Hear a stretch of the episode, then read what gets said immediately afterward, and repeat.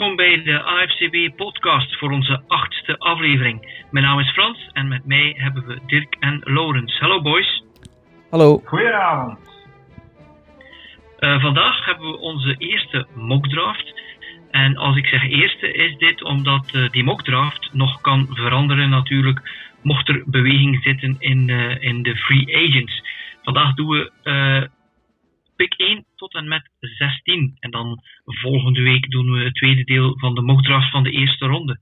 Maar voor we starten uh, met de mockdraft, eerst nog uh, het nieuws in de NFL.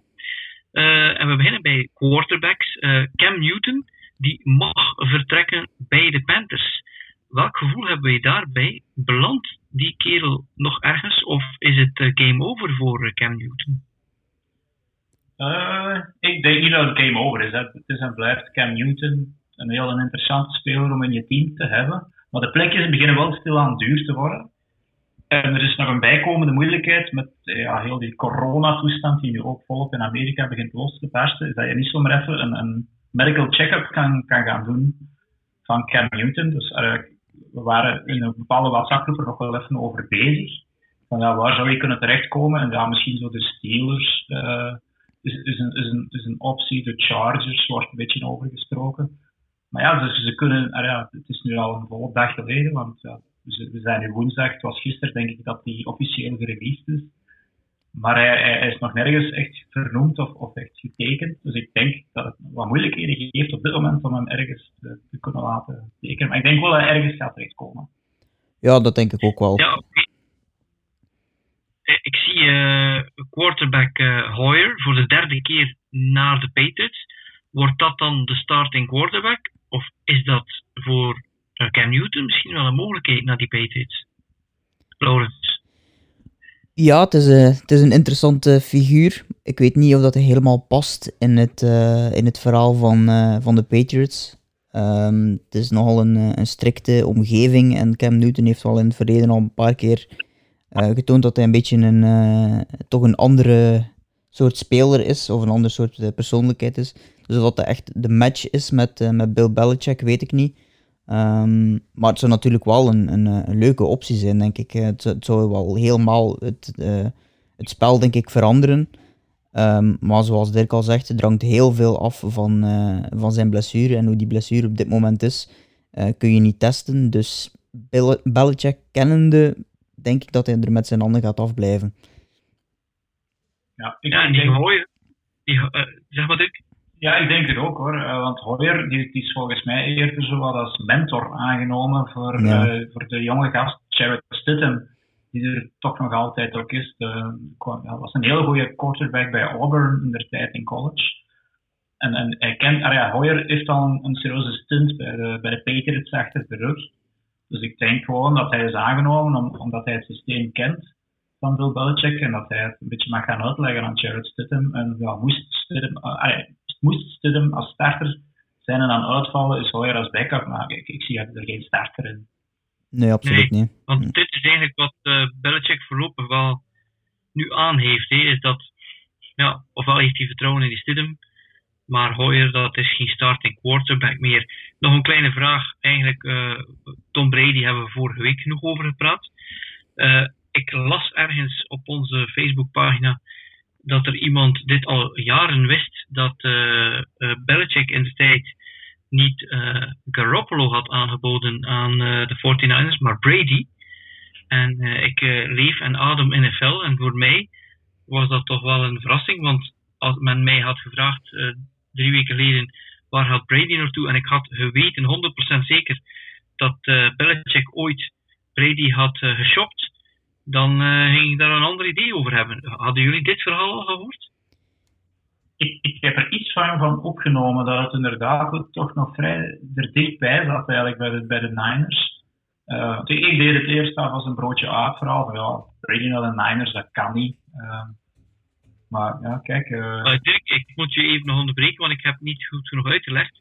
Ah. Dat als de trade voor Garoppolo doorgegaan is. Ah, in het verleden, dat, ja. Zo, ja. Dat Belichick dan eigenlijk Brady eerst had aangeboden. Oké. Okay. ja. dat maakt het nog ingewikkelder.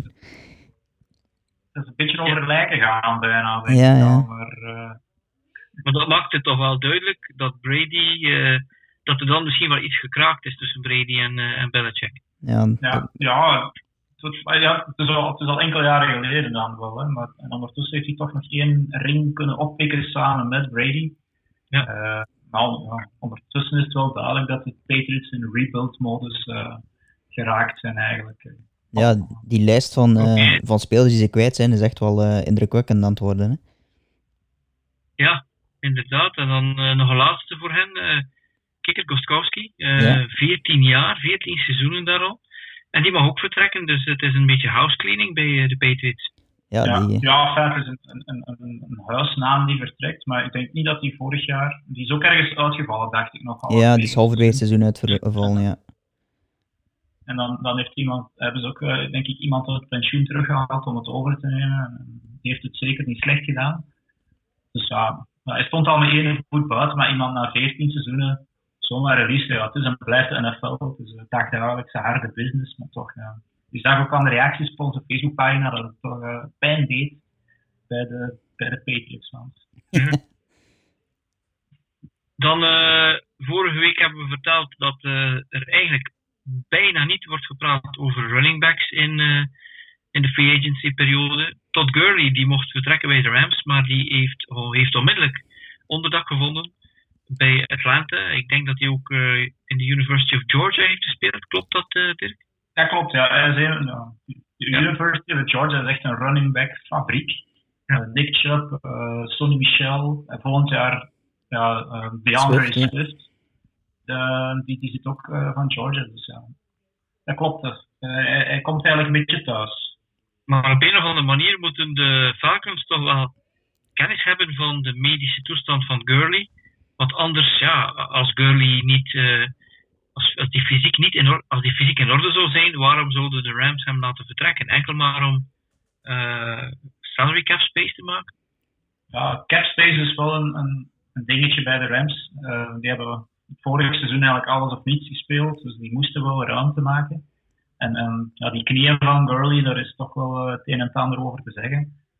Um, hij heeft ook dus niet zo'n heel dik contract gekregen, dacht ik, bij, bij, bij de Falcons. Maar toch, ja, het, is, het is een gok, zeker wel.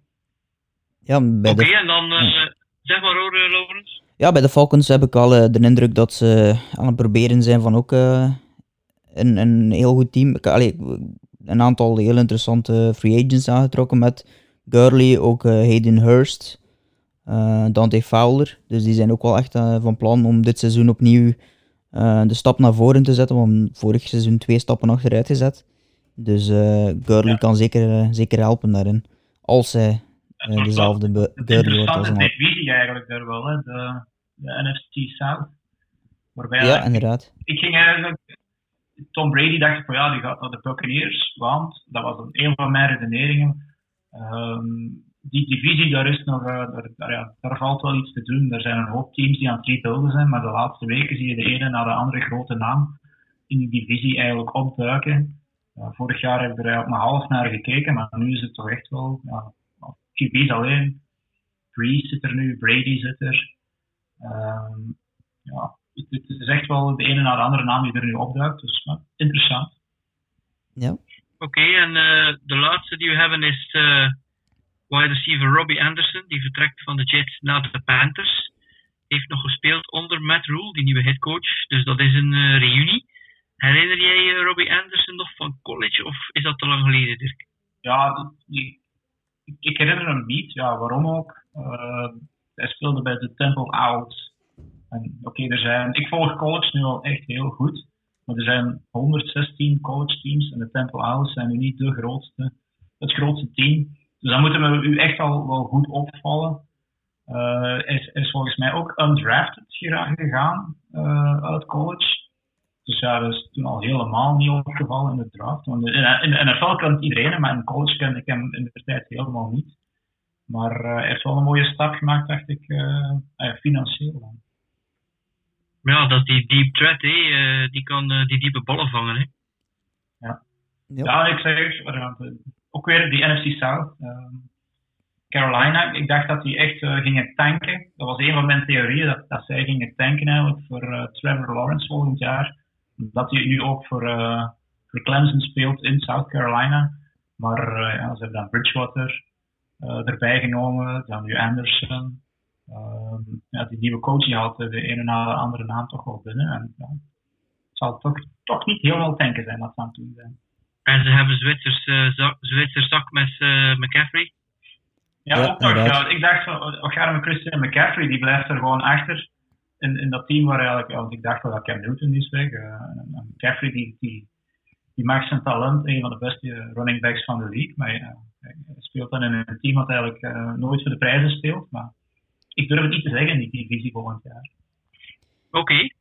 Goed, dat was het nieuws in de NFL. Er is nog iets anders die nu al in de lucht hangt. Dus de draft die gaat sowieso door, maar die gaat niet door in Las Vegas. Uh, bepaalde teams die zijn nu al aan het vragen om dat toch uit te stellen. En er is nu ook al sprake dat bepaalde teams denken dat ze niet genoeg tijd zullen hebben om zich voor te bereiden wegens de uh, coronacrisis voor het start van de NFL op het juiste moment. Dus we gaan dit natuurlijk blijven opvolgen voor, uh, voor jullie. Maar we hebben eigenlijk nog ja, wel enkele maanden. Maar uh, er is een kans dat het NFL-seizoen misschien niet uh, begin september start. Ja, ja die, draft gaat blijkbaar door op televisie gewoon. Dus hoe dat ze dat gaan doen, ik denk dat ze heel veel camera's wel op diverse plaatsen gaan hebben. Waaronder ook in, in de huizen, veronderstel ik dan, van de, de verschillende prospects. Want normaal gezien ja, zitten die in de zaal en, of in een achterkamertje en komen die naar het podium en pakken het truitje van het team. Maar ja, dat gaat natuurlijk niet. Of ze moeten nu iedereen 32 truitjes sturen en dan moeten ze het juiste aandoen uh, van in een zetel. Ja, dat zou nog ook. En, en dit, dit jaar uh, gingen ze in een gondola komen. Dus, uh, ja, ja, ja, ik kijk er echt naar uit net. Ja. Ja, dus dat is wel natuurlijk, daar heb ik nog niet aan gedacht, dat je dan dat speciale moment niet hebt dat je op de stage kan komen. Die foto met uh, de commissioner, dat je dan de commissioner uh, anderhalf meter de lucht in kan hijsen.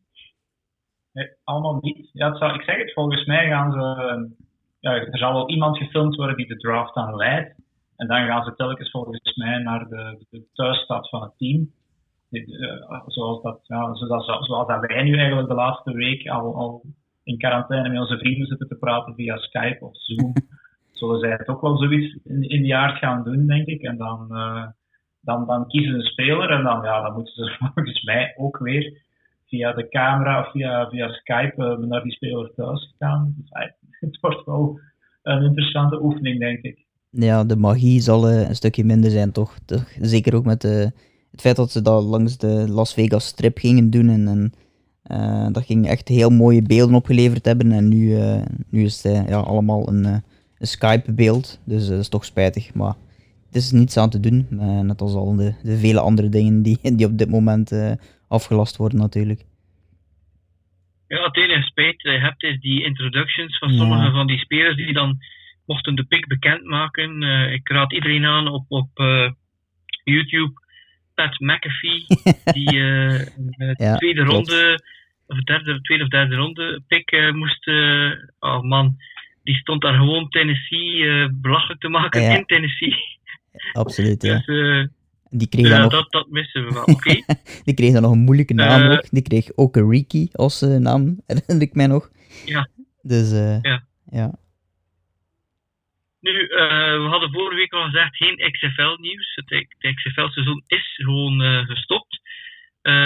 maar er is natuurlijk wel wat nieuws uit de XFL. En dat is toch wel nieuws die we hadden verwacht. PJ Walker, de quarterback van de Houston Roughnecks, die heeft een uh, contract van twee jaar getekend met de Carolina Panthers. En uh, lo and behold, uh, Walker heeft ook nog gespeeld voor Matt Rule. Ja. ah, ja, dat wist ik zelf. Ja, ja bij Temple. Ja, ja, ja, ook. oh, bij Temple dan? Ja, ook bij Temple. als ik mezelf even op de schouder mag tikken en mezelf een complimentje geven. Ik heb het een aantal weken geleden al gezegd dat dat dat een van de mogelijkheden was voor, uh, voor PJ Walker, omdat hij die connectie had met, uh, met Matt Rule. En uh, ja, het is ervan gekomen, dus hij gaat misschien backup of wel third stringer worden. Dat hangt een beetje af van Will Grier, die onlangs ook nog maar gedraft is.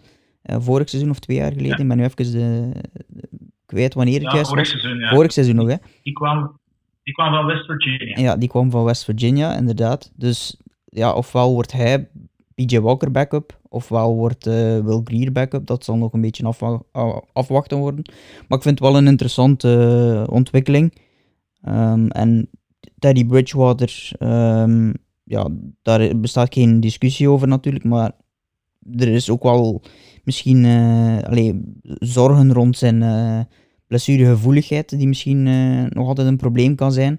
Dus een, een goede backup zal voor Carolina toch wel handig zijn, denk ik. Ja, we hebben ook gezien, eh, Walker was met die Houston Roughnecks 5 en 0. Eh, Ja. Bijna 1400 yards passing, 15 touchdowns. Dus eh dit was toch wel de speler die we verwachten. En een andere speler is eh, Jordan Ta'amu, quarterback van de St. Louis Battlehawks. En die, eh, die, mag, eh, die gaat richting Kansas City. Chad Henney, die is ondertussen eh, 80 jaar. Dus ik denk dat eh, Jordan Ta'amu wel een kans heeft om de backup te zijn van eh, Patrick Mahomes. Maar het geeft wel een beetje legitimiteit aan die XFL. Ja, klopt. Ah, ze, ze hebben nu wel het seizoen halverwege dan moeten afbreken, maar toch als, als tweede kans, eh, onderwijs zal ik het een beetje noemen, is het wel, ah ja, die, die PJ Walker, ik had er eigenlijk nog niet van gehoord, Eh, maar die speelt zich dan toch even die vijf weken in de kijker en op naar een, een NFL-contract bij een team waar dat er dan gelijk één mag vertrekken. Eh, twee eigenlijk, ja, Newton en Allen. Ehm, dus ja, ik vind, het goed voor de XFL ik hoop dat het volgend jaar terugkomt natuurlijk. Oké, dat was het nieuws van de XFL. Voor we overgaan naar de mock draft. Ik heb eigenlijk nog één vraag voor jullie. Eh, die stoelendans van die quarterbacks die is nu bijna voorbij. Straks zijn er natuurlijk nog quarterbacks in de draft. Dat daar gaan we het straks over hebben. Maar als je het op de keeper beschouwt, New England, Miami, Cincinnati, Washington, die hebben wel vorig jaar een eh, quarterback gedraft, maar ik vond dat het toch niet zo vlot liep. Eh, en de LA Chargers, dat zijn er vijf die wel een quarterback zouden kunnen gebruiken. Eh, Winston, James Winston en Cam Newton gaan één van die twee daar nog ergens belanden. Want anders wordt het voor hem eh, sowieso backup duty. Misschien eh, zoals eh, Tannehill dat deed eh, vorig jaar bij, eh, bij de Titans.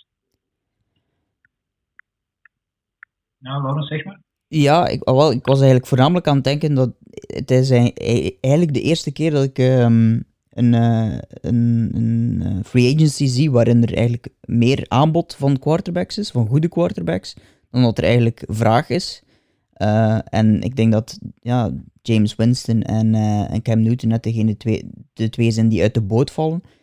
Ja, James Winston is een probleem, denk ik, omdat hij zelf al meerdere malen aangegeven heeft dat hij zichzelf ziet als een topquarterback en ook op die manier wil eh, betaald worden. En eh, dat zie ik gewoon eh, niet gebeuren op dit moment.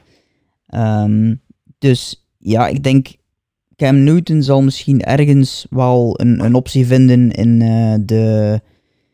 Ja, op dit moment misschien in, ja, een, team waar er ook een rookie zit. En James Winston zal ook niet anders kunnen, denk ik, dan, eh, dan die keuze maken.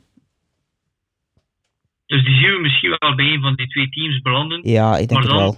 Als, laten we zeggen, de, de, de interim starter tot de, de rookie quarterback kan overnemen. Ja, dat denk ik wel. Ja, zo Oké. de, de, de Redskins is eigenlijk wel een interessante case dat je daar noemt. Hè, met Dwayne Haskins. Eh, nou, zet er even een Cam Newton achter. Denk, ik zou zenuwachtig worden als, eh, als QB1. dan. Ja, inderdaad. Goed, dan eh, gaan we over naar onze mock draft. En eigenlijk, eh wij zijn zomaar over een mock draft aan het praten. Maar het kan wel eens best zijn dat er luisteraars zijn die gewoon niet weten waar het over gaat. Wat is dat eigenlijk, Dirk, eh, een mock draft? Ja, een mock draft is een beetje een soort een, een, lotto beetje dat ik invul. Ehm, als ik de 32 picks van de eerste ronde, want zover ben ik eigenlijk gegaan, plus dan ook de teams die eigenlijk geen eerste ronde pick hebben in en die dan in de tweede ronde. Als ik zou kiezen, hoe zou ik van 1 tot 32 alle namen invullen, welke spelers zie ik bij welk team terechtkomen? En een beetje dan ook zeggen waarom. Uh, dus dat, dat doe je dan eigenlijk bij die mock draft. Dus dat is een, een, een invuloefening van, van, van elk team voor de, dra- voor de opkomende draft eigenlijk. Uh, en je kan dat op verschillende momenten doen. Moest ik die twee weken geleden gemaakt hebben voor die hele free agency frenzy. Ah, ik, ik was er toen al mee begonnen wel. Maar die, uh, die heb ik even in de vuilbak kunnen gooien, want dan verandert even weer alles op bepaalde ploegen die die spelers aantrekken, of die zelfs een andere draftpositie krijgen. Um, dus ja, het is, het is een invuloefening, maar het is, echt niet gemakkelijk, moet ik zeggen. Want als je één ding verandert, dan, dan verandert eigenlijk een beetje alles. En, en ik, ik ben dan een beetje, ja, ik volg college voetbal heel goed, dus ik ken heel veel van die spelers wel. Langs de andere kant ken ik heel veel van de non-skill players niet zo goed. Dus dan moet je uh, ja, uh, video's gaan bekijken van die spelers, van highlights, waar zijn die sterktes. Uh, en dan zit je op een duur filmpjes te bekijken van offensive linemen, hoe dat ze hun eerste kick naar buiten maken na de snap en hoe dat ze de speler opvangen. Het gaat vers. dus. dan, dan zijn we altijd bij de juiste persoon om ons hier door te loodsen. We moeten er wel bij vertellen, in jouw mockdraft zitten geen trades, dus het is niet zo dat je bepaalde teams uh, picks laat traden om hoger te komen om iemand te pakken. Ja. Uh, en dat is de reden waarom er eigenlijk waarschijnlijk nog nooit ooit iemand een, uh, een mockdraft van de eerste 32 100% juist heeft. Dat is bijna onmogelijk, denk ik. Nee. Oké, okay, we hebben onze Facebook, we hebben op onze Facebookpagina aan de leden gevraagd welke posities of spelers hun favoriete NFL-team nodig had. Dus Dirk die zal ons vertellen wie hij waar ziet belanden in de draft. En uh, Laurens heeft voor ons bijgehouden wat de fans op de AFCB Facebook pagina willen. En zo gaan we door die eerste 16 picks gaan uh, vandaag. We beginnen met uh, pick nummer 1. En je, dat zijn de Cincinnati Bengals. Die eindigden laatste in de NFL vorig jaar in het reguliere seizoen. En vandaar dat zij mogen draften. En uh, wie nemen zij daar, uh, Dirk? Voor mij geen verrassing dat Joe Burrow kiezen, de quarterback van LSU, de LSU Tigers. Die heeft het beste seizoen gespeeld dat een college QB ooit gespeeld heeft. En dat zegt toch wel een en ander. Hij is de, de, mij echt onbetwiste nummer 1 QB. Er is twijfel of dat Tua Tagovailoa van Alabama niet beter is. Ja, intrinsiek is die beter, maar die is blessuregevoeliger, onzekerder. En met Joe Burrow kies je langs de ene kant ook voor echte zekerheid. Hij is ook uh, al, al 2 of 23 jaar. Hij is bijvoorbeeld ouder dan, um, um, dan, dan Lamar Jackson of zo. Dus hij, hij zegt, hij was al een, een fifth year uh, quarterback, dus hij heeft ervaring genoeg. Hij kan eigenlijk direct starten. Dus ja, ik ga op de eerste plaats voor Joe Burrow, 100%. Laurens, eerst en vooral uh, is er een. Uh, wat, zegt, uh, wat zeggen onze fans en wat is jouw mening? Wel, de, de fans zijn heel talrijk uh, verspreid uh, in het eh, NFL-landschap, maar die zijn nog niet in Cincinnati geraakt, want daar hebben we niet echt een, een fan gekregen. Die dus de eerste beginnen we misschien met een halve valse noot, maar eigenlijk nadien hebben we eigenlijk heel vaak fans gevonden. Um, maar ja, als het over Burrow gaat, denk ik dat er heel weinig tot geen discussie is op, op nummer 1, denk ik. Ja, ik zag die jongen ook dingen doen uh, op het einde van het seizoen. Ik, ik heb niet zoveel tijd om de college volledig te volgen, maar wat ik gezien heb was, uh, was, was uh, indrukwekkend. En inderdaad, het is grappig dat we dus de Cincinnati Bengals, die staan niet alleen onderaan, dat we maar zeggen, onderaan in de NFL en eerste in de draft. Ze zijn blijkbaar ook niet zo populair in België, want er was niemand die het voor hen opnam. Maar dat is niet alleen in België, dat is in Amerika ook. Dus, um, is er één kleine bijvraag, uh, Dirk. Ja. Is, er, is er een kans dat er zo'n drang is om die Joe Burrow te krijgen, dat er iemand toch nog een bootload uh, picks aan de, de, Bengals heeft? Of denk je van, je kan dit niet maken, uh, het is maar één keer om de zoveel jaar dat je misschien een transcendental quarterback kan draften en dat je het beter doet? Ja, ik heb, ik heb één mock draft gezien van iemand uh, ik denk dat het echt iemand op de NFL-site zelf was. Uh, Lance Zierlin, of wie heet die man juist? Ja, en die, die, had, die had volgens mij een draft opgesteld met wat als, en dan komen we op, op jouw terrein terecht. Miami. De Dolphins echt Joe Burrow willen. Uh, ja, als je dan zegt een, een boatload aan, uh, aan drafts in, in, return, die hebben dat. Um, dus zij zouden het in principe kunnen doen. Ja. Maar dat denk ik dat ze het niet per se gaan doen. Ze, uh, ze hebben die, die picks wel nodig. En ik, ik zie het ook niet gebeuren. Ik, ik, ik, ja, Joe Burrow is zelf een, een, een man van de staat Ohio. En hij komt volgens mij bij de Bengals wel, wel, wel goed terecht. Dus ik denk niet dat iemand echt naar boven zal treden voor hem, maar je weet maar nooit. Oké, okay, goed. Uh, tweede team in de draft, uh, Washington Redskins. En ik denk dat die heel veel noden hebben, maar waar ga je hier voor de Redskins, waar kies je voor? Ik ga voor Chase Young. Dus ja, nummer 1 en nummer 2, dat, was bij mij, dat staat al weken vast. Uh, met zwarte eentjes geschreven. Chase Young, edge rusher van Ohio State. Uh, intrinsiek is hij voor mij de beste speler van, van deze draft. als je dan bijvoorbeeld zijn voorganger bij Ohio State, Nick Bosa, daar was iedereen toch ook vlotjes van onder de indruk, denk ik. Die heeft het schot tot in de Super Bowl uh, geschopt en, en kreeg uh, bloemen toegeworpen langs alle kanten. En veel mensen die er iets van zouden kennen, beweren dat Chase Young zelfs nog beter is dan Nick Bosa. Uh, dus hij is op, op, op plek 2 zeker de beste speler die je kan pakken nog in de draft. En die zou ik dan pakken. Is dat uh, het belangrijkste wat de Redskins nodig hebben, uh, Lawrence? Of hadden we daar een fan die daar een mening over had? Um, ja, we hebben uh, van Leroy Deltour. Um, die gaat eigenlijk voornamelijk voor een trade down. Dus die hoopt dat de Redskins uh, nog een aantal picks uh, verzamelen uh, en ergens lager aan wal gaan, gaan, gaan plaatsen. Waar dat juist was, dat weet ik niet. Of met wie dat hij dat dan juist voorstelt, dat weet ik niet. Maar hij gaat voor een, voor een trade down alleszins. Um, is, is dat een scenario waar je zo kunnen achterstaan? Goh, ik denk het eerlijk gezegd niet. Um, de Redskins hebben nog heel veel nodig op heel veel posities. Uh, en zoals Dirk al zegt, Chase Young is echt wel de nummer 1 qua talent in, in deze groep. Um, het is een edge rusher die inderdaad direct een impact heeft. Dus ik zou het, uh, ik zou het houden bij, uh, bij die nummer 2 plaats. Ja, ze zijn ook natuurlijk met een gat in de boter gevallen vorig jaar met Terry McLaurin. Dus die wide receiver, die is er. Ja. Ehm, maar ja, ja dit is wel een realistisch trade scenario. Dat regelmatig dat je ziet terugkomen, dat er een beetje een opbod gaat komen om Tua Tagovailoa te kunnen draften en dat Miami uh, met de Redskins zal moeten, moeten traden eigenlijk voor die eerste, uh, voor de, die vijfde pick, maar ook nog de, uh, de achttiende of, of eventueel zelfs nog die, welke is het dat ze nog hebben, de, de, de 26e pick.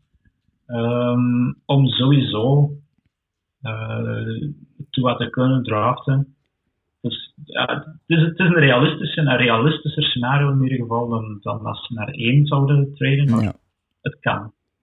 Mag ik, mag ik ervan uitgaan uh, dat uh, als de Bengals geen quarterback nodig hadden, dat Chase Young de, sowieso de number one pick was? Ja, ja dat denk ik wel. Uh, ik zeg het, hij is echt zo getalenteerd, die, die kerel. Uh, als je, je moet er maar eens YouTube-filmpjes van opzoeken. Hè. Ja. Dat was dan een van de spelers die mij wel opviel als je wedstrijden van Ohio State uh, uh, bekeek. Die man die moest echt, echt teamed worden of die, die kwam er gewoon los door. Hij is de beste speler in de draft eigenlijk. Oké, okay, Detroit Lions op nummer 3. Wie pikken zij? ik heb ja, Isaiah, Isaiah Simmons van Clemson daar gezet. Um, hij is in principe linebacker, maar als we het dan hebben over Zwitserse zakmessen, dit is er zo eentje. Hij kan een beetje op alle plaatsen, ja, hij kan uh, safety spelen, linebacker. Ik denk dat hij hem zelfs uh, op, op, uh, op corner, ja, enfin, dat waarschijnlijk niet, maar hij is in ieder geval super getalenteerd, atletisch. Um, terwijl is, dat ja, is dat een beetje als de Honey Badger? Ja, maar de Honey Badger, uh, Isaiah Simmons is, de Honey Badger is, is um, dacht ik, van gestalte niet zo geweldig groot. Ik kan me vergissen, maar ja. uh, Isaiah Simmons is daar wel Ja, inderdaad. Ehm, die, die, die kerel die doet echt dingen, die is super veelzijdig. En ehm, hij viel dan nog een beetje voor de, de combine nog niet echt op. Maar toen heeft hij ook weer wat dingen laten zien dat hij toch opgevallen is. Ehm, terwijl dat de Lions eigenlijk een andere nood hebben. Maar op, op, voor mij is er dan vanaf. Dus een mock draft kan je bekijken, pak je de beste speler die er op dit moment nog in de draft aanwezig is, of ga je echt voor je nood? Ze hebben meer nood aan een, een cornerback. Uh, maar ik, ik, ik zou persoonlijk dus in mijn draft voor Isaiah Simmons gaan. Oké, okay. Laurens? Ja, um, de fans zijn ook uh, nog niet tot in de Detroit geraakt. Dus um, er was ook niet echt iemand die, uh, die daar een optie voor had. Maar inderdaad, uh, de cornerback-positie is daar ook wel iets dat ze nodig hebben. Dus Jeffrey Okuda was ook een optie. maar die ja. komt later bij jou aan bod, Dirk. Dus dan gaan we ja, naar vier, denk Jeffrey ik. Okuda, als, in, in de meeste drafts komt, in de meeste mock drafts staat hier Jeffrey Okuda. En ik, ik, als ik dan in mijn eerste versies ga kijken, die ik zo nog in, in balpen geschreven had, dan staat er ook Okura, maar ondertussen stond er al een streep door en ging je keihard voor Sims. Maar ja, dus zeker dan, ze hebben nog uh, de Ryan Slay verloren. Ja. Uh, was het deze week of al vorige week? Dus ja, de nood is er echt wel hoog op corner. Dus het zou heel goed kunnen dat ze toch Okura pakken, maar uh, ja, ik zou Isaiah Simmons zeker niet laten staan. Ja, als ik, hoe zeggen, als ik de, de running backs bekijk van de, de Lions, zeven rushing touchdowns in, uh, in, in totaal. Uh, met niemand meer dan 500 yards rushing. Als ik dan kijk naar de receivers, dan heb je natuurlijk Kenny Galladay. Maar met het wegvallen van uh, Stafford was het dan plotseling ook echt wel krot en miserie. Dus ik had wel gedacht, toen ik die mock zag van je, dat er toch misschien in de skill positions uh, meer nood was. Maar het is misschien dan te vroeg om daar een wide receiver te draften. Moet ik het zo zien? Ja, is, er zijn nog te veel goede spelers op dat moment op het bord. Die je misschien niet dit jaar, maar dan zeker volgend jaar en de jaren daarna kan gebruiken. Uh, running backs worden sowieso niet snel genomen, tenzij dat er echt een stand-out is uh, die, die, de pannen van attack gespeeld heeft. Uh, wide receivers die komen wel aan bod, maar iets lager nog. Ik, ik zou sowieso in dit geval nog niet voor een, een skills player kiezen. Maar ja, het is niet dat de Lions er goed op staan volgend jaar, daar heb je wel gelijk in. Ja, de headcoach is ook uh, defense-minded, dus uh, dat zal misschien wel in zijn, uh, in zijn systeem passen. Oké, okay, op nummer 4, de, de New York Giants. Waar hebben zij de meeste nood aan? ja, ik, ik ga er zo'n beetje vanuit als een team een jonge quarterback heeft, uh, gedraft of, of, op een of andere manier gekregen in de voorbije jaren, dat ze die dan willen beschermen. Um, en, en ja, Danny Times, die moet nog beschermd worden, dat is volgens mij heel duidelijk uh, na het vertrek van Eli Manning. Dus dan kan je er beter maar uh, een, een goede O-line neerzetten. En het geluk wil dat er in deze draftklasse nu vier toppers echt van, van offensive tackles zitten met allemaal een beetje hun eigen specialiteiten en, en talenten. En, en, de ene keer zet je dan, ja, ik, ik ga voor Tristan Wirfs trouwens, de offensive tackle um, van Iowa.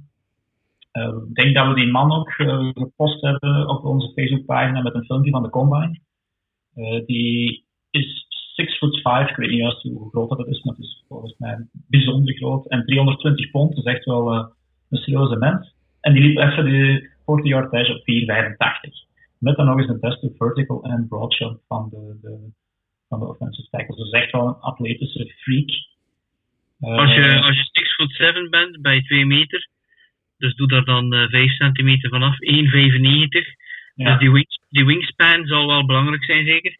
Ja, ook. ook ja. Maar, maar ik zeg het, er zijn vier spelers, die komen dan, dan later nog wel die andere terug, die je eigenlijk bijna kunt laten inwisselen. Maar ik was het meest gecharmeerd door uh, Tristan Wirfs.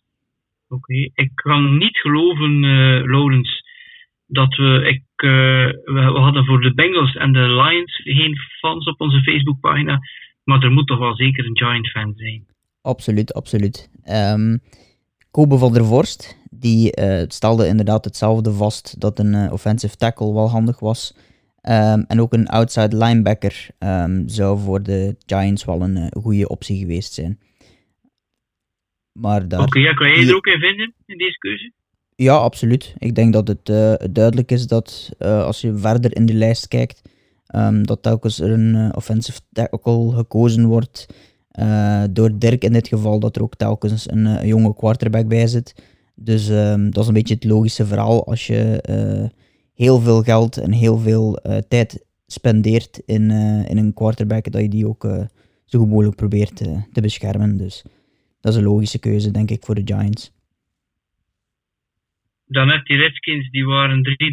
Uh, eh, die New York Giants waren 4 en 12. Uh, ja, Barkley die is er, de jonge quarterback is er. De vraag is natuurlijk, had het niet beter geweest voor de Giants om nog eventjes wat geduld te hebben voor ze OBJ hebben weggestuurd? Want op receiving, daar hebben ze toch ook nog een serieuze nood. Maar ja, je moet natuurlijk iemand hebben om die quarterback te beschermen. Ja. Ja, ik, ik zeg het inderdaad, zoals dat Lauren zegt, ik ben er een beetje van uitgegaan. En ik denk dat jij een paar weken geleden nog gezegd hebt, you gotta protect the quarterback. Ja, dat is wat Charles Castle zei. First have the quarterback, and then you have to have somebody to protect the quarterback. Ja, inderdaad. Ja, dus ja, dus het is, het, is, het is geen sexy pick natuurlijk. Uh, het spreekt niet tot de verbeelding van mensen die iets minder van college weten. Maar uh, het is natuurlijk, ja, uh, dat zijn spelers die dan soms 10, 12, 13 jaar op diezelfde positie staan. En dan ja, is het absoluut een must om, om, om, om zo iemand binnen te halen. Ja, ik zeg het, voor mij zijn dat ook onbekende spelers, relatief onbekend. Oké, Iowa is nog een vrij grote ploeg. Um, uit de Big Ten. Dus die ploeg die zie ik af en toe wel spelen. Maar ja, die offensive tackles die vallen nu eenmaal niet zo heel hard op. Uh, tenzij ja, je ziet dan de running backer als een mes door boter gaan. En als dan even een offensive tackle daar een gat getrokken heeft, oké, dan valt er wel een beetje nog. Maar pas na het seizoen ga je, ga die, die, die man eigenlijk een beetje op, op, op YouTube wat opzoeken en eens kijken wie dat, wie dat de toppers zijn. Dus. Oké. Nummer 5 um, team die uh, drie picks heeft in de eerste ronde. Maar één daarvan hebben ze helemaal zelf verdiend. Want uh, het, het, zag er naar uit dat ze aan het tanken waren voor Tua. Tot uh, quarterback Fitzpatrick dacht: hé, dit gaat wel over mijn carrière. En ik ga hier nog eens de pannen van het tak spelen. Onder andere ervoor zorgen dat de New England Patriots uh, niet bij de eerste twee belanden in de playoff uh, seeding. En dat zijn uh, de Miami Dolphins. En wie pikken zij op de vijfde plaats? Ja, geen verrassing denk ik. Tua Tagovailoa van Alabama. het is natuurlijk wel quarterback trouwens, voor wie het niet zou weten. Het is de vraag van hoeveel miljoen ja, is Tua nu in orde? Want hij heeft al een blessure gehad aan zijn, zijn, het zijn enkel. Oh ja, ik weet niet, het is zo'n een operatie waar je wat beentjes bij elkaar bindt, die hij al aan twee benen gehad heeft. Maar hij is vooral een beetje gevoelig aan zijn heup. En dat is wat dat veel NFL-scouts wel wat bang maakt, van ja, die heup, als dat niet in orde is. Um, maar ik was het deze week dat er ergens een filmpje opdook, want ja, nu ook met die corona-quarantaine kan hij niet echt naar buiten komen. Hij heeft wel een filmpje gepost van uh, dat hij wat uh, schiloefeningen doet en de bal gooit. En het ziet er allemaal heel goed uit. Maar het is en blijft een momentopname. Uh, veel teams gaan volgens mij wel al weten of dat die medisch in orde is.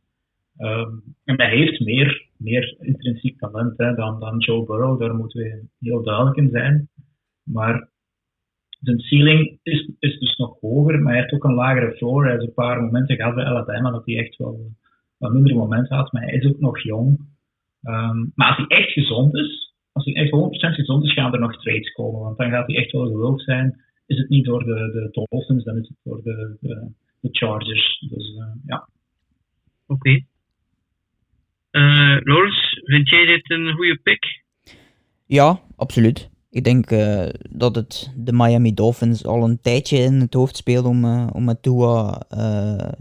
Allee, ze hoopten al twee jaar, zei Rich Eisen onlangs, om, om Tua Tagovailoa binnen te halen. Dus ze hebben een beetje geluk eigenlijk en ongeluk tegelijkertijd dat ze toch nog bij Tua uitkomen. Um, ja, die blessure is al heel veel bepalen.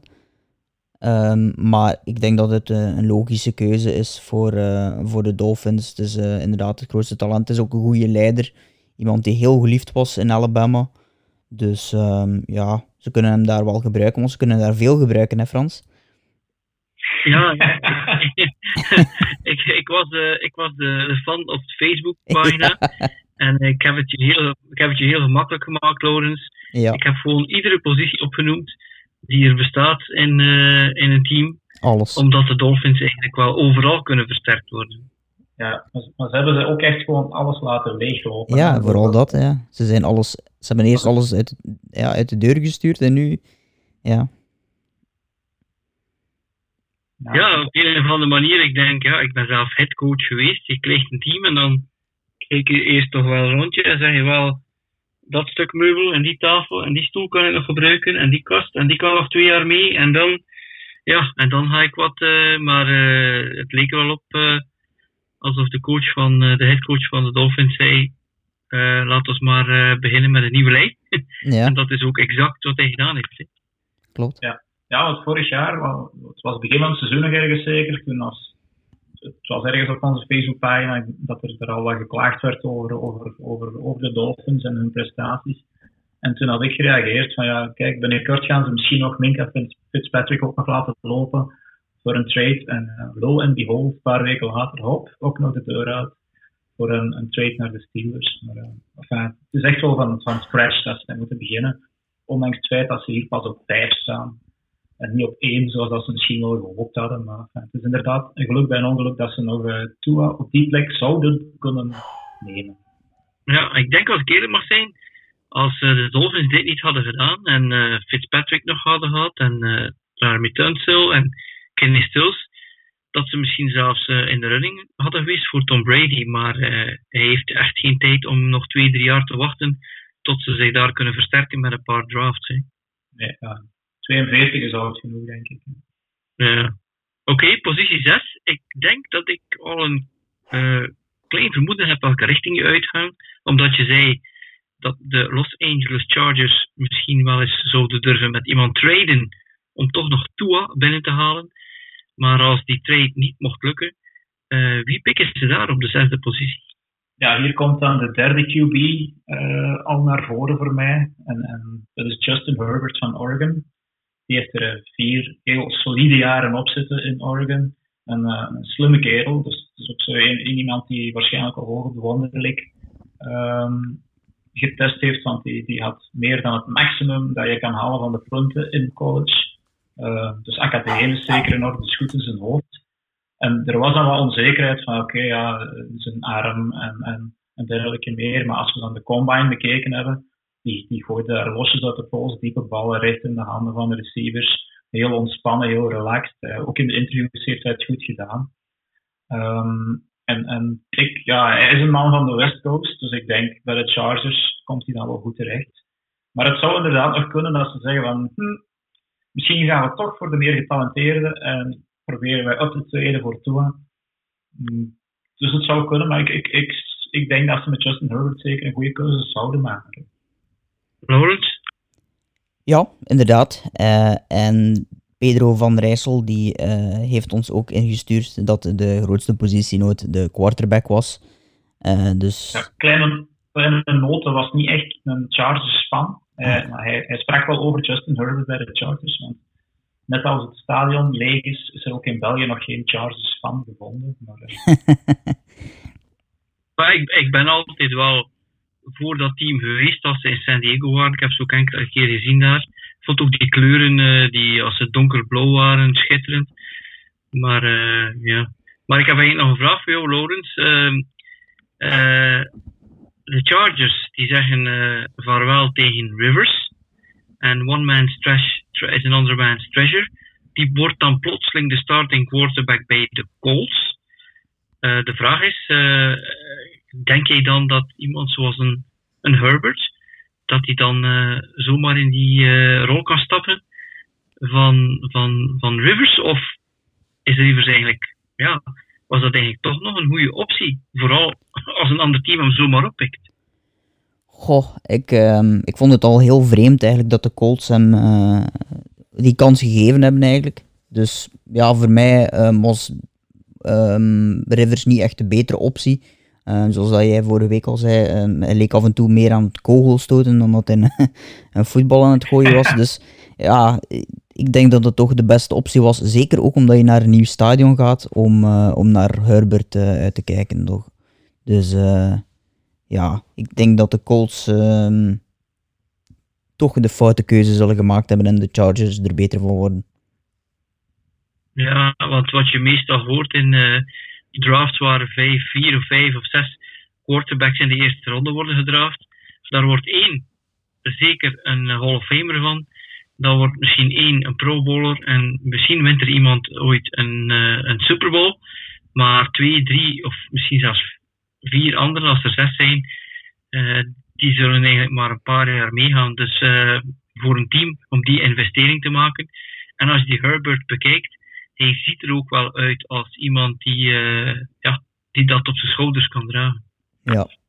ja ik, zie er, ik zie er wel niet direct een Hall of Famer in. Uh, dat zal mij moeten verbazen, maar het is, het is een, echt een standvastige keuze.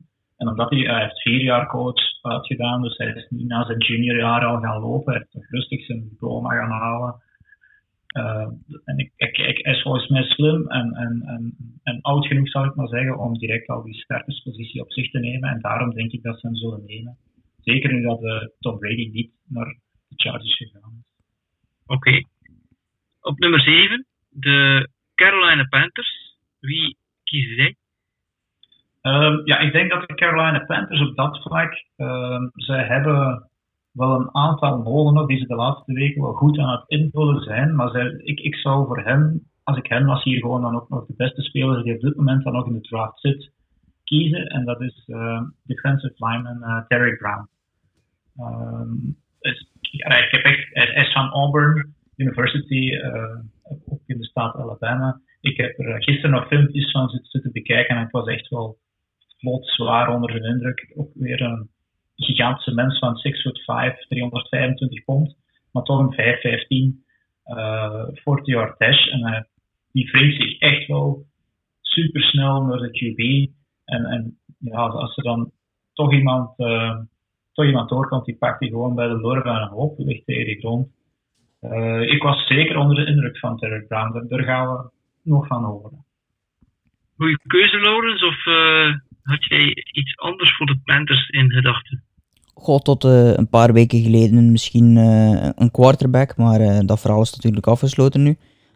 maar Derek Brown is inderdaad ook zo'n een voorbeeld van misschien niet de absolute super sexy pick. Maar ik, ik denk echt wel dat dat iemand is die binnen dit en vier, vijf jaar zo'n mega contract gaat tekenen. Dus ik geloof daar echt wel in. Het zal nooit de grote super... Ook geen, ja. ook geen Carolina Panthers fans hebt, zie ik. Uh, nee, nee. Ja. maar nadien is het wel gedaan. Ja, ja, ja. ja als, je, als je natuurlijk een speler kan hebben die, die een paar van die caps kan uh, kloggen, zoals ze zeggen. En, uh, en dan heb je nog wat spelers daar rond. ja, natuurlijk. Ja. Ik weet niet genoeg van Matt Rule om, om nu al te figuren. Is dat een kerel die eigenlijk gewoon je zal overpoweren door veel te scoren, of wil die gewoon balanced zijn? Daar heb ik geen idee van natuurlijk. Ja, bij, bij Taylor, dat is dan de laatste school waar dat hij uh, uh, headcoach was, daar heeft hij ja, heel hard op organisatie wel gewerkt van een team dat eigenlijk, ik ga mij vergissen, hè, maar het was volgens mij 0 en 13 en al twee jaar tijd naar een, naar een, naar een winningsseizoen met meer dan 10, 10 winst. Dus ik kan echt heel goed een team bouwen. En ik denk dat hij dat nu ook weer aan het doen is, daar in Carolina, enerzijds met, met, met mannen die je nog kent van in zijn verleden uh, als, als headcoach. En dan langs de andere kant uh, interessante picks, zoals die, die Robbie Anderson. Of ja, dat is ook weer zo iemand die je dan nog kent. Maar langs, eh, als hij Derek Brown zou oppikken, ja, dat zou ook weer een goede keuze zijn. En, en dan gaat die, die zullen misschien dit jaar nog geen splash maken. Maar ik denk wel de komende jaren dat er met hem rekening moet gehouden worden. Oké, op, uh, op 8 hebben we de Arizona Cardinals die vorig jaar de number one pick hadden. En uh, daar hebben ze Kyler Murray meegenomen. En uh, volgens de meeste analisten was die gewoon te klein om in de NFL te spelen. ondertussen hebben we die kerel al eh, van alles zien doen. Daarnaast hebben de Arizona Cardinals ook de heist of the century gedaan. Door, uh, door Hopkins te wisselen met, met running back Johnson. Wie gaan zij hier nemen, ja. Dirk? Ja, het was echt een belachelijke trade. Maar goed. nee, waarom? Ik, ik ga ook weer dus voor hetzelfde mantra als er straks een jonge quarterback moet beschermd worden en ik had al gezegd dat er vier toppers van offensive tackles waren. En ik ga hier voor de tweede, tweede Chadwick Wills van uh, Alabama.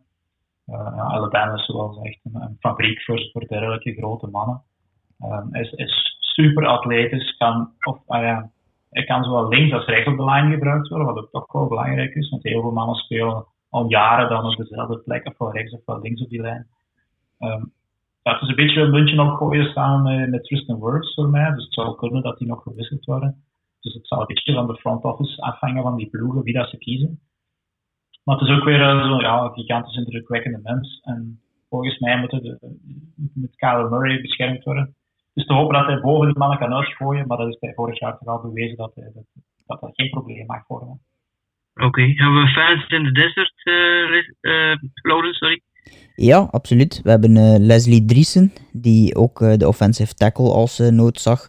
en bij de defense ook wel een outside linebacker of een cornerback nog kon gebruiken voor, voor de Cardinals.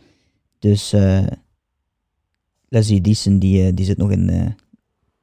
die is heel enthousiast, denk ik, ook met Murray. En hopelijk een, een goede offensive tackle in Wales. Die hem trouwens het tweede Alabama-product in de top 10 en niet de laatste. Nee, absoluut niet. Oké. Okay. Uh, de... oh, en dan komen we bij een team die het toch wel uh, volgens mij moeilijk zou hebben. Want het is een team die een paar jaar geleden één stap verwijderd was van de Super Bowl. Maar die dan tegen de Patriots liep. En dat zijn de Jacksonville Jaguars. En die mogen pikken op nummer 9. En wat gaan die daar doen? Dirk? Voor, ik, ik, ik zie ze dan voor Jeffrey Okuda gaan van Ohio State, de Buckeyes. De cornerback. dat was de straks die man die ik zei van ja, de, voor hetzelfde geld neemt Detroit die al omdat die een heel grote nood hadden aan, aan de cornerback. En het is de beste cornerback veruit in, in de draft. Ook hier heb ik de highlights nog eens van zitten bekijken. De meerdere interceptions. Uh, zit er gemakkelijk tussen. En ja, langs de andere kant hij stapelt de tackles gewoon echt op. Dus hij is niet alleen diepe coverage meelopen met die wide receivers, maar hij vliegt ook uh, echt, echt overal goed tussen. En, en, er komt niet veel volk voorbij, zal ik het zo zeggen. Dus ik denk dat het op dit moment, ja, ook weer op nummer 9, als die er nog staat op het bord, Jeffrey Okuda, dan moet je die gewoon nemen. Oké, ik weet dat we absoluut een Jacksonville Jaguar fan hebben. Dat is uh, Lou Basman, want ik heb hem nog ontmoet in Londen toen de, de Jaguars daar spelen, maar het was niet Lou die ons een, een tip gaf, juist? Nee, het was uh, Sam Denissen of Denissen, ik weet niet juist hoe ik het moet uitspreken, maar hij zag ook dat de cornerback wel nog moest ingevuld worden bij de Jaguars. En Okuda okay, is echt wel de Had jij iets anders in gedachten, Lawrence, of, of, of is, dit, is dit goed? Want Nee, als je, als, je Okuda, als je Okuda op 9 kunt, uh, kunt terugvinden, dan moet je gewoon heel blij zijn, je ogen dicht doen en Okuda nemen. ja, oké. Ik, ik denk ook, ja, stel dus de Lions nemen dan Okuda op 3, dan, dan, dan zou het allemaal weer natuurlijk even omgegooid kunnen worden. Maar ik, ik zie het gewoon niet gebeuren dat dan, ze als, ze, als ze dan op nummer 9 nog Isaiah Simmons zouden kunnen nemen, ja, dat is ook uh, ja, handjes kussen. Uh, dus het zijn sowieso goede keuzes die hier vallen. Ja, maar uh, natuurlijk, ja, als je, je vermeldt dat hij zelf hoger zou kunnen gaan, moesten de Lions uh, Simmons niet nemen. Maar is, ga ik ervan uit dat dit een shutdown corner is? En met een shutdown corner bedoel ik iemand die aan één kant van het veld zet en dat de quarterback er gewoon niet naartoe gooit, omdat hij weet dat heeft toch geen zin, à la Reeves Island of Primetime. Is dat dat soort type of is het meer een all-round cornerback? Oh, hetgeen ik ervan gezien heb, ja, in college zijn natuurlijk, als je, er als je zo goed bent, daar wordt dan inderdaad bijna niet naar gegooid. Want dat, is zo'n probleem vragen dan. Dus hij stak er echt wel letterlijk dan bovenuit. Maar voor mij is hij allrounder, zeker. Ja. de diepe coverage niet alleen, maar ook tackles. Op nummer 10, een uh, team die uh, in de laatste jaren uh, heel wat keren hoog mocht draften. En meestal is dat geen goed nieuws, maar als je nul wedstrijden, één wedstrijd wint in, van de 32, dan kun je wel eens hoge picks hebben. En er zijn zelfs ook fans van dit team. dat gaan we straks zien. Cleveland Browns, die, ja, die hebben hun quarterback, hun tight end, hun wide receiver een running back misschien ook wel. En uh, wat hebben ze dan daarbij nog nodig, Dirk?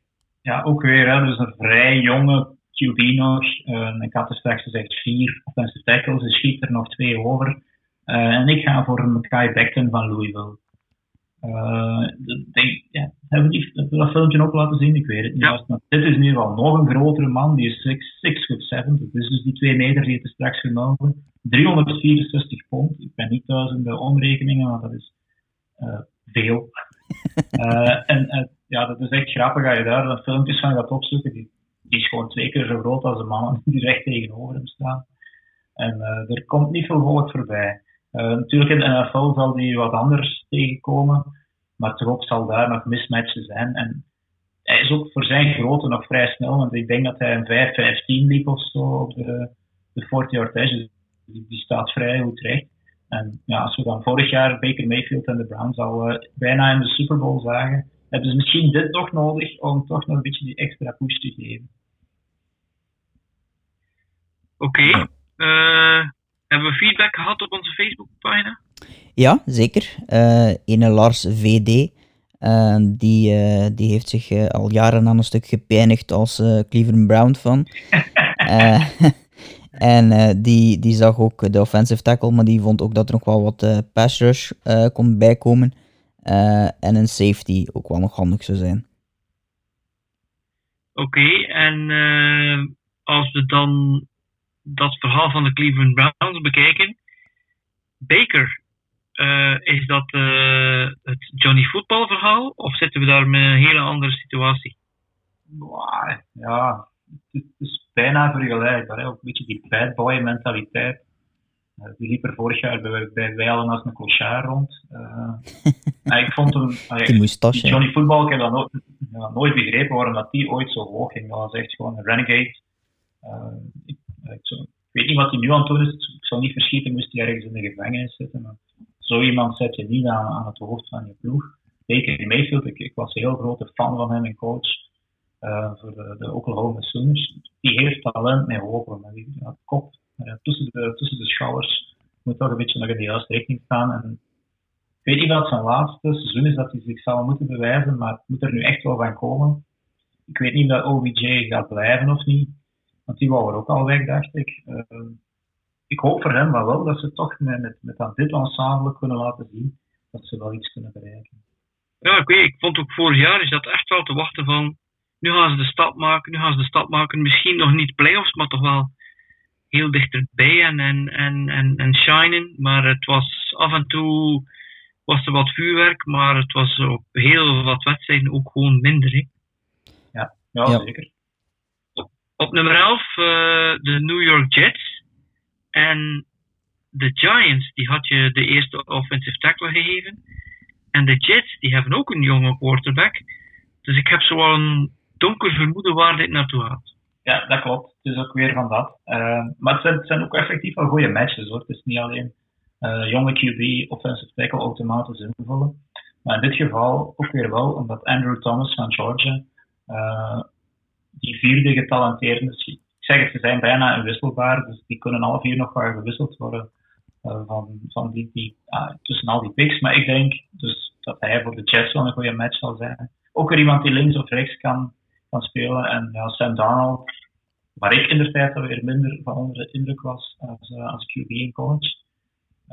Zijn derde jaar, ik hoop dat hij ondertussen nu genoeg geleerd heeft. Uh, dat hij die, die, die, wat minder spoken gaat zien en hopelijk kan uh, Andrew Thomas hem daarbij helpen. Oké, okay. Jets-fans die moeten er zeker zijn. Dat, dat, dat vermoed ik. Ja, klopt. Armando Lambert, die ook de offensive line graag uh, iets sterker zag worden rond, uh, rond Darnold. Ehm, en we hebben het er net ook al gehad over Robbie Anderson die vertrokken is naar de Panthers. En de Jets kunnen dus ook wel een, een extra wide receiver gebruiken om opnieuw Darnold toch wat meer opties te geven. Oké, en is er een kans, Dirk, want we zitten nu aan onze vierde offensive tackle.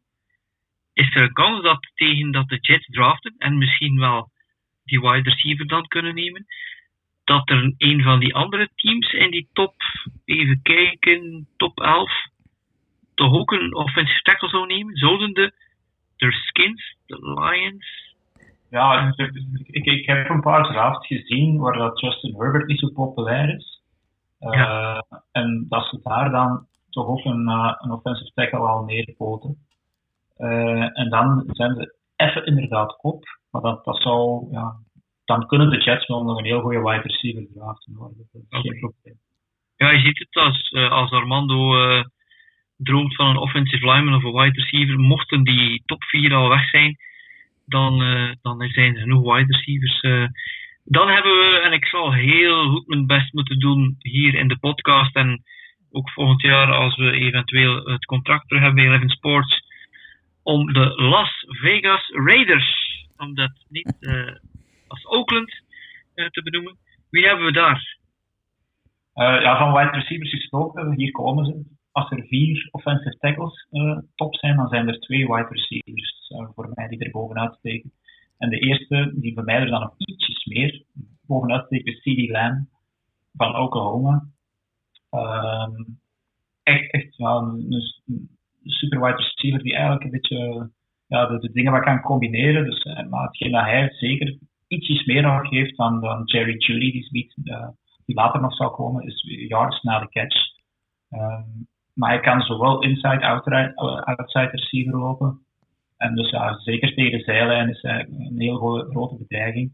En ik denk, ja, de Raiders, dat ze die QB-situatie, ja, ze gaan er een beetje een strijd nu van maken, denk ik. Maar dat was, want dat was een andere nood geweest, maar die is nu opgelost. Dus ik denk dat ze volop voor een wide receiver zullen gaan. Oké, okay, Laurens, uh, twee vragen voor jou. Aan de ene kant, uh, ja, die Raiders Bad Boys for Life, daar moeten zeker fans voor zijn. En uh, ten tweede, wat vind jij van die keuze? Is dit de beste receiver? Ja, wel, eerst en vooral, ik ben zelf ook een Las Vegas Raider fan, dus er zijn ah. zeker fans. En Aaron van den Einde, die heeft net als mij ook de juiste keuze gemaakt.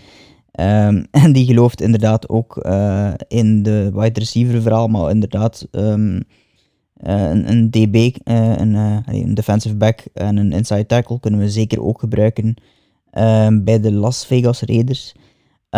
en is het de juiste keuze? Ja, het is een, het is een keuze tussen hem en Jerry Judy, denk ik.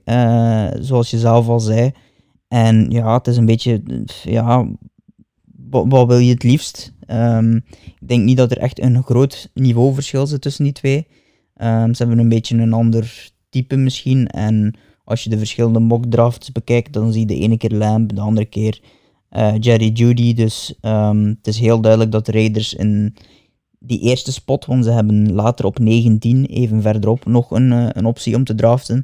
maar daar gaan ze sowieso receiver. En ja, Lamb lijkt mij ook de beste keuze, zeker om die yards after the catch te hebben, want die hebben we echt wel nodig om uh, toch wat meer uh, ja, juice in de offense te krijgen.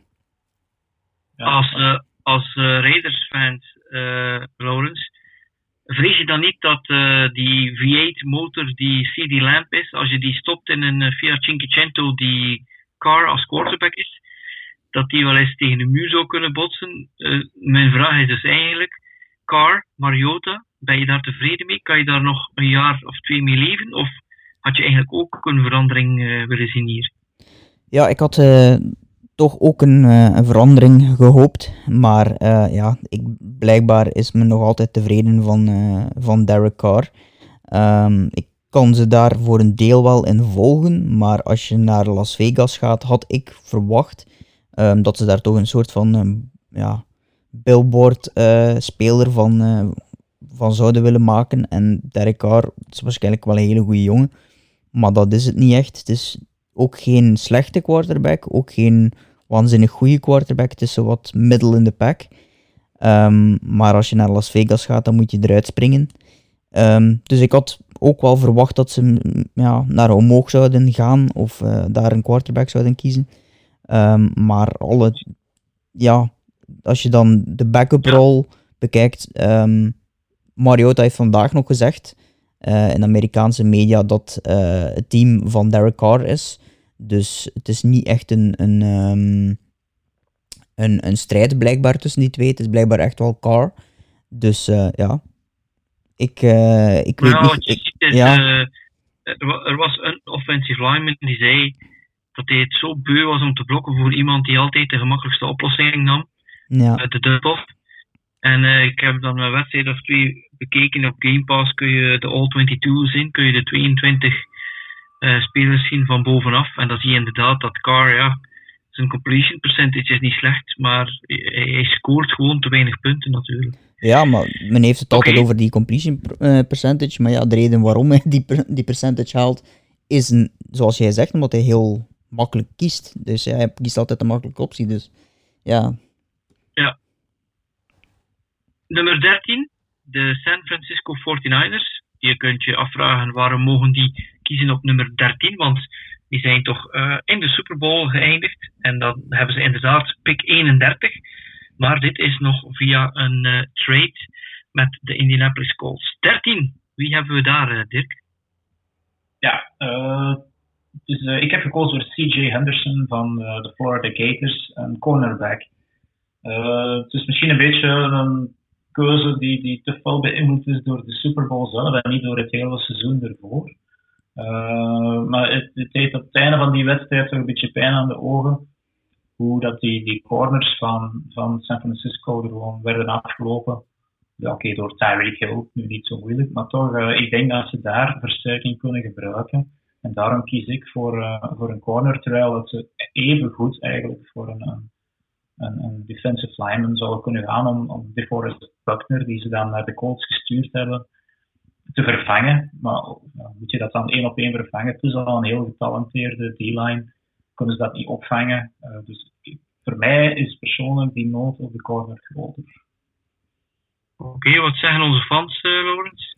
Wel, Teun van Overstraten die, uh, die heeft ook hetzelfde vastgesteld over de D-line. Um, en die stelde daarvoor ook een andere optie voor. Uh, Javon Kinlaw, die, uh, die iets later terugkomt in jouw draft, Dirk. Um, dat dat ook misschien ja. wel een optie zou zijn op 13 bij de Niners. Dat samen met Boza, dat zou wel een, Veel pijn doen. een serieuze muur zijn. Ja, absoluut. Ja, ja het, het, ik, ik, ze zouden even goed die richting uitkomen hoor. Dus ik denk, uh, maar ik, ik zou toch, ja, ze, zijn nu, ze hebben naar boven getraind voor een reden. Uh, langs de ene kant voor uh, wat cap space vrij te maken. want Buckner heeft nu een low contract gekregen bij de Colts. En, dan kunnen ze hier nu een rookie neerpoten. ja, ik, kies voor de corner. Oké. Dan hebben we 14, de Tampa Bay Buccaneers.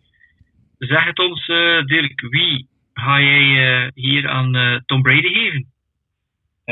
Ja, dat, dat, is natuurlijk mijn meest verrassende pick van de hele lijst. Maar ik zet hier een andere QB neer, Jordan Love van Utah State. ik moet het wel een beetje uitleggen, uiteraard, want ja, ze hebben net TV12 gekozen. En waarom zet ik hier dan een quarterback neer? het is, ja, ik, het is mijn, mijn draft. Waarom zou ik het doen? om een beetje aan de toekomst te denken. Jordan Love is een quarterback die, ja, zo'n ruwe diamant, die nog werk nodig heeft. Dus die, die, die, zou je niet direct kunnen laten starten. Hij is heel getalenteerd. Diamond in the rough, echt. Uh, maar die moet dus echt nog een paar jaar achter een, ervaren QB het systeem leren. En een paar jaar, dat is hetgeen dat ik Tom Brady nog geef. En meer eigenlijk niet. Uh, langs de andere kant uh, weet ik ook wel dat Tom Brady nu, nu dat hij bij de Buccaneers beland is eigenlijk en een offensive tackle nodig heeft, of toch tenminste iets op de O-line om die seks proberen te vermijden. Maar als ik dan aan het kijken was, dan moest ik al veel naar beneden teruggaan om een, een, ja, die, die, die, vier goeie zijn dus eigenlijk al weg en dan kom ik eigenlijk al, bij een speler terecht en denk van ja, is het dat wel waard? En als ze aan de toekomst denken, zouden ze Jordan Love moeten draften. Ze gaan dat niet doen, want ze geloven volop in Tom Brady. Dus ze zullen wel iets voorzien op die O-line voor hem, denk ik. Maar ik zou dus voor een QB gaan. Heb jij gehoord wat uh, de, het, de enige eis was die Tom Brady had van de Buccaneers? Telefoonnummers. ik heb het ook gehoord. De telefoonnummers van alle spelers. En voor de rest wou je zich maar niks aan uh, trekken, zei Ja. Maar ja. Uh, ja. Laurens, hier, ik denk dat jij ook verrast bent door die keuze. Ja, inderdaad. Dat was de verrassende keuze in heel die mockdraft, denk ik. Um, ja, ik, ik begrijp het enigszins wel. Um, maar ja, het is natuurlijk zo. Ik heb ook gelezen dat uh, Tom Brady toch enigszins een soort van roster control, control zou willen. Uh, ik kan me niet voorstellen dat er dan plots een, een jonge quarterback. Maar ja, het is moeilijk om in te schatten um, hoe, uh, hoe de situatie daar is. En, en hoe, hoezeer um, ja, men gelooft in de toekomst van Tom Brady, ook al is hij 42 of 43 bijna.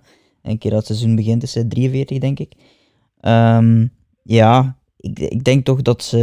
Um, ja, ze, hebben, ze hebben ook nog wel een, aantal opties. Um, op de offensive line, zoals je zelf zegt.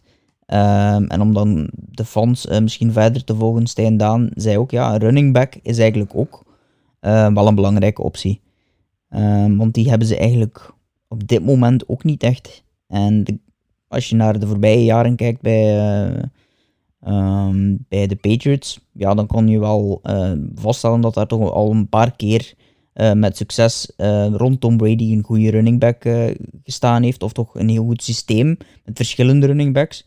En nu hebben ze daar eigenlijk um, Ronald Jones II als ja, eerste running back. Lijkt mij nu niet echt de topoptie. Um, maar er is ook niet echt een top running back in deze draft. Dus ja, ik ben echt wel benieuwd wat zij gaan doen. Um, maar ja, wie, wie, weet doen ze de wilde gok om, uh, om een quarterback te kiezen. Maar dan staat de wereld in Amerika in brand, denk ik. ja. Ik, ik, wist het dus ook echt niet. Hè. Dus ik, ik, uh, het is echt moeilijk daar. En, en het moeilijke met een mock draft is om een plaats open te laten. Dat kan je niet zomaar doen. Want dan nee. al hetgeen dat je eronder begint in te vullen, dan, stel je dan dus eigenlijk ook in vraag. Want als er dan een betere speler is, dan moet je alles weer zitten verschuiven. Dus je moet iets kiezen. En, ja, als we nu een running back, uh, DeAndre Swift van Georgia nemen, oké, even goed. Maar is die een veertiende pick waard? Dat weet ik dus niet. Jordan Love is iemand, een ploeg die hem oppikt, die gaat wel iets mee zijn. Oké, we hebben er nog twee te halen voor deze aflevering. En uh, op nummer 15 hebben we de Denver Broncos. Wie gaan we daar naartoe sturen? Ja, daar komt dan die tweede wideout terecht, Jerry Judy van weer Alabama. Uh, als je dan al die toppicks van Alabama bekijkt, is het toch verrassend dat zij het hebben moeten afleggen tegen, LSU. Um, maar goed, ja, volgens mij bij de Broncos is er duidelijk nood aan uh, een wide receiver. Ook al is de, de, de, QB-situatie mij daar ook nog niet helemaal duidelijk. Ja, wie weet komt Cam Newton daar wel terecht. Uh, dat is altijd een optie. Flacco is sowieso weg, hè? Flacco is weg, ja. Je hebt dan nog uh, Drew Lock en, en is het Brandon? Drew Lock en dan nog Brandon Allen. Brand, Brandon Allen, denk ik, ja. Dus ik weet niet, ja, zijn dan nu de mannen dat je, dat je het mee moet gaan doen. Um, dus ja, maar een wide receiver is volgens mij de grootste nood bij hem. En Jerry Judy, zoals straks gezegd, kan naast CD Lamb gaan staan, is iets meer een route runner echt dan, dan, dan, um, dan CD maar het is zeker de, beste, de tweede beste, en misschien ook wel de beste, het hangt er vanaf hoe je het bekijkt, uh, wide receiver. Dus ik zou hem op deze plek zeker nemen. Oké, met, uh, met uh, Jerry Judy, uh, met Drew Lock waren ze 4 en 1. Dus die Jerry Judy is volgens mij wel een, een goede toevoeging voor een, een jonge quarterback. En weer Alabama. Uh, hebben we daar iets van de fans uh, feedback, Lorenz? Um, ja, Maarten Rigolle, die uh, in de offensive line ook nog wel iets um, nodig zou hebben voor zijn Broncos. de wide receiver is, is al gezegd en is ook wel de duidelijke keuze, ook in de andere mock draft. en een cornerback, die zouden ze ook wel kunnen gebruiken. Ja, jij bent al tevreden, want je hebt uh, met jouw team al de beste wide receiver bijna juist. Ja, klopt. Maar uh, ja, een extra receiver daar uh, kan wel interessant worden bij de Broncos. En dat is nog altijd mijn, um, rival-team, zeg maar, in de division. Dus eh, ik zie het toch ook ehm, met Ja. leden ogen aan, want het is, het is een extra wapen, inderdaad. Ja, dat zou inderdaad wel een, eh, een matchup voor jaren kunnen zijn. Ja. Als die twee toevallig bij de Broncos en, eh, Ja. en de Raiders belanden in de AFC West. Klopt. Eh, de laatste, eh, nummer 16. Laatste voor vandaag, moet ik zeggen. Atlanta Falcons. Met wie sluiten we af? Een edge rusher. ehm, ja, zo'n typische Amerikaanse naam. Chasen. Eh, na Chase Young duidelijk de beste edge rusher, maar wel na Chase Young de beste edge rusher in deze, in deze draft. Eigenlijk ook van hem moet je maar eens wat filmpjes gaan opzoeken. Hij komt van LSU, dus die kampioenenploeg eh, rond Joe, eh, Joe Burrow. Eh, kan zich echt geweldig goed door de tackles heen worden, zoals spin moves. Ehm, en, ik heb er ook verschillende hoogtepunten gezien, hoe dat hij dan het hoekje omgaat richting die QB. En ja, die zag hem soms gewoon echt niet komen. Vers- verschrikkelijk snel. Dus een zeker goede toevoeging voor, voor de Falcons moesten ze hebben. Oké, maken wij daarmee iemand van de fans gelukkig met deze keuze, Laurens? Dat denk ik wel. Ehm, Kim van Nieuwenhuizen die ehm, heeft ook de edge aangeduid als een van de noden. En een, eh, een cornerback kunnen ze ook wel nog gebruiken eh, bij de Falcons. Daar ligt het vooral nog aan de defense, dat is, eh, dat is wel duidelijk daar. Oké, dat is dan de eerste 16 van de eerste ronde en van onze mockdraft. Ehm ik eh, wil je, voor ik jullie ga bedanken, ga ik je toch opnieuw nog eens de kans geven om ook jouw eh, podcast nog eens in de verf te zetten, eh, Laurens. Want je hebt zelf een podcast. Dus hier is het forum om nog even reclame te maken. Ja, dank u wel Frans. Ehm, wel, ik heb dus mijn eigen podcast genaamd Stervende Zwanen. Eh, waarbij ik eigenlijk een aantal, eh, of zoveel mogelijk eigenlijk, ehm, interessante sportpersoonlijkheden, zowel eigenlijk sporters zelf als eh, mensen rond de sport interview. En ehm, ik probeer dat altijd ook een, een, een dik uur te houden, ehm, een, een babbel heel vaak over de carrière, het origin story zeg maar, rond die persoon. En er komt, als ik mij, mijn tijdlijn goed kan plannen en alles in orde komt, ehm, vrijdag een nieuwe aflevering online. En ehm, dat mag misschien wel een primeurtje zijn voor hier. Dat wordt eh, David Bombeke. Ehm, voor de wielerkenners eh, en voetbalkenners misschien ook wel niet onbekend als een hele goede eh kinesist. Gespecialiseerd in Ah, ja, voorste kruisbanden en heeft een ogen, of de scheur, als daar problemen mee zijn, is hij daar heel erg goed in. En was ook een van de heel belangrijke figuren in eh, de toerwinst van Cadel Evans een aantal jaar geleden. Dus eh, dat wordt ook wel interessant, denk ik. Oké, goed. Ik zou zeggen allemaal eh, daarheen, naar eh, Stervende Zwanen.